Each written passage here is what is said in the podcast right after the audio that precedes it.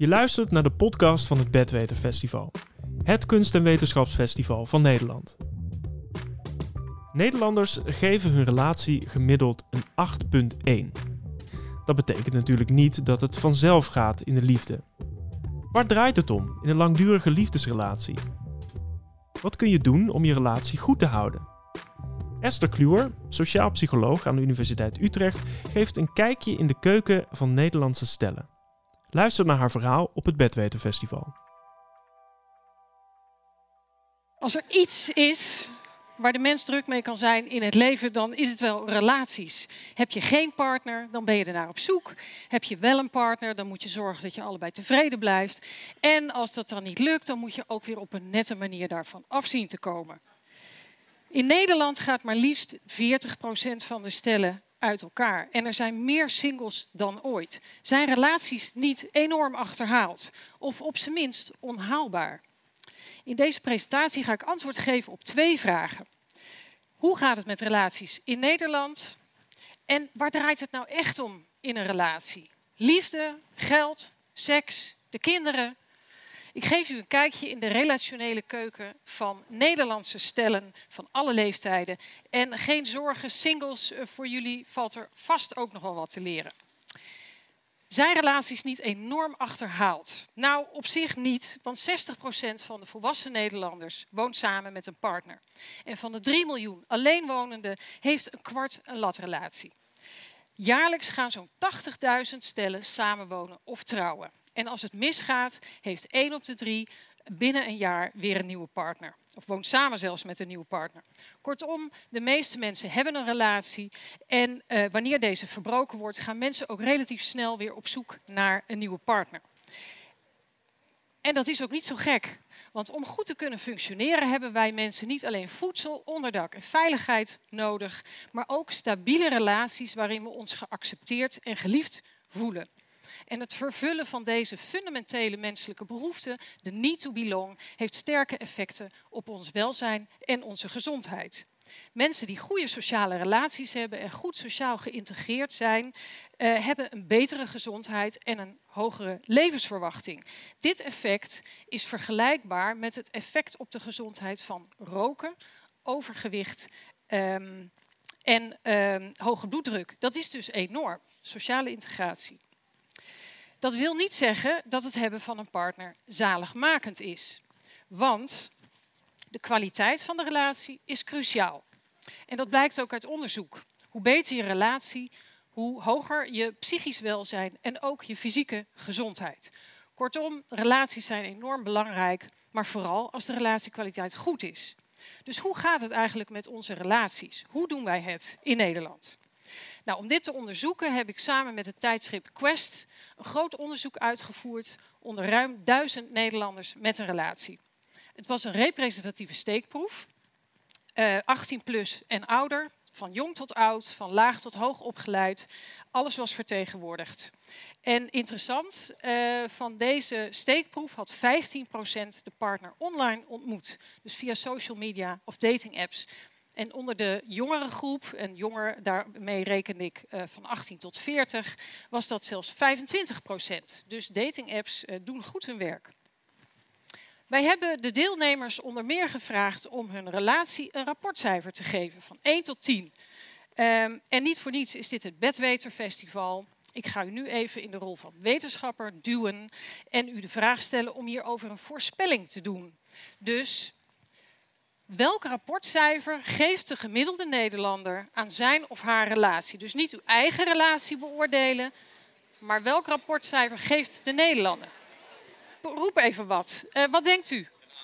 Een 8. 7. Wat nog meer hier in de 8,1. Heb ik al iets gezegd? Inderdaad, blijkbaar staat er al iets in het boek. nou, dit is echt hoog. Want dit is het gemiddelde, hè? dus uh, er zit nog wat spreiding omheen. Maar we gaan nog even door. Want we hebben um, uh, Nederlanders ook gevraagd om hun seksleven met hun partner te beoordelen. Ik ga weer een paar beurten geven. U daar in het midden. Een 6. Een 7. 6,5. 5,5 hoor ik dat ook. Oké, we gaan uh, naar het antwoord. 6,7. Net voldoende, maar toch. Jonge stellen van 18 tot 40 geven hun seksleven een 7. Oudere stellen, de middelbare en de ouderen, een 6,5. Daar valt natuurlijk nog wel wat verbetering te halen. Um, nu willen jullie vast ook graag weten hoe vaak we het doen. Daar zit behoorlijk wat variatie in, kan ik u vertellen. En nu gaat het ook weer een beetje roezemoezen, denk ik. Nou, valt mee. Iedereen denkt, oh, ik zit nog goed. Um, de grootste groep, 41 procent, heeft een paar keer per maand seks met de partner. En ik zie nu enkele gerustgestelde blikken. Gaat nog best wel goed. En uh, nee, echt hoor. Elke dag seks is maar voor heel weinig mensen weggelegd. 1,2 procent. Opvallend uh, is dat een grote groep, um, behoorlijk veel, 15% van de jongeren stellen, 30% van de middelbare en 41 van de ouderen nooit of uh, heel weinig seks hebben. Maar ook hier een geruststelling. Want hoe vaak je seks hebt, dus de frequentie, uh, is minder belangrijk voor je relatiekwaliteit dan hoe tevreden je bent uh, met je seksleven. Kwaliteit is belangrijker dan kwantiteit. En wie daar eerder op de avond bij Marieke de Witte was, zij zei exact hetzelfde. Dat is ook wat uit onderzoek komt. Dus als je een paar keer per jaar seks hebt met je partner, maar je bent daar dik tevreden mee, dan is er niks aan de hand. Maar als je daar niet zo tevreden mee bent, dan is het wel zaak om daar wat mee te gaan doen. Um, we hebben ook gevraagd naar uh, aanraking, uh, knuffelen, omhelzen, zoenen. En dat doet de meerderheid elke dag. En dat is goed nieuws, want aanraken en knuffelen leidt tot een lagere bloeddruk en hogere oxytocine-niveaus. Aanraken en knuffelen buffert op die manier de, de negatieve effecten van stress. Het is dus echt heel erg belangrijk. Dus vaak doen. Veel ruzie maken is over het algemeen niet zo goed voor je relatie. Nou, dat gaat in Nederland gaat dat best wel oké.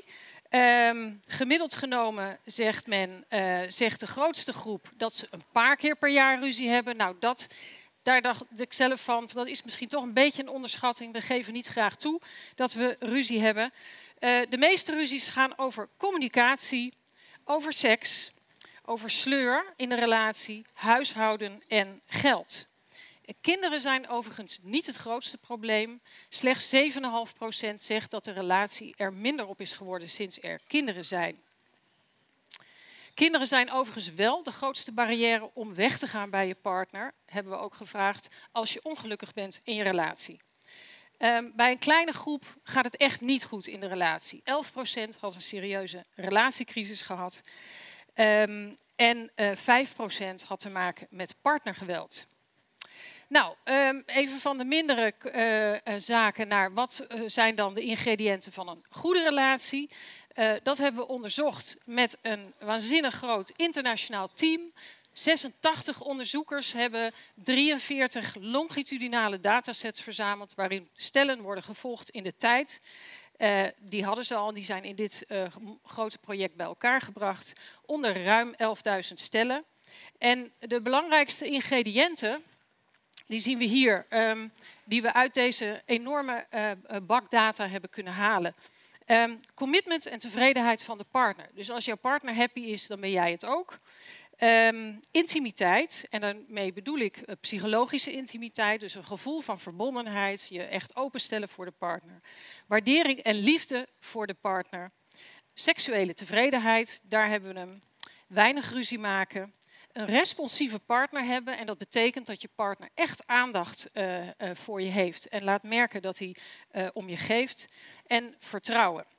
En je hebt ook een betere relatie als je in het algemeen wat tevredener bent met het leven. Als je weinig last hebt van depressie of negatieve gevoelens. Um, en als je veilig gehecht bent. Dat wil zeggen dat je je prettig voelt bij intimiteit in het algemeen.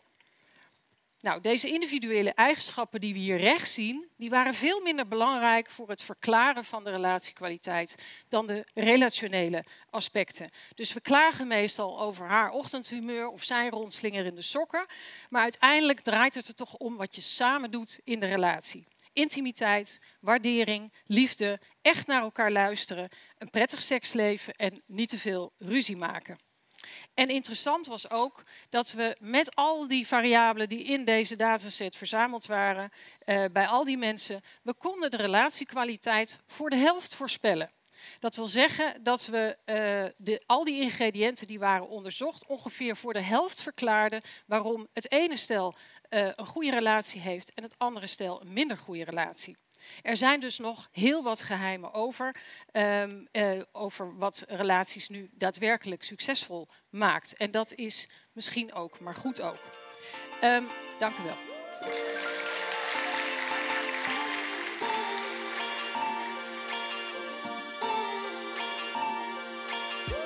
Je hoorde een aflevering van de podcast van Studium Generale.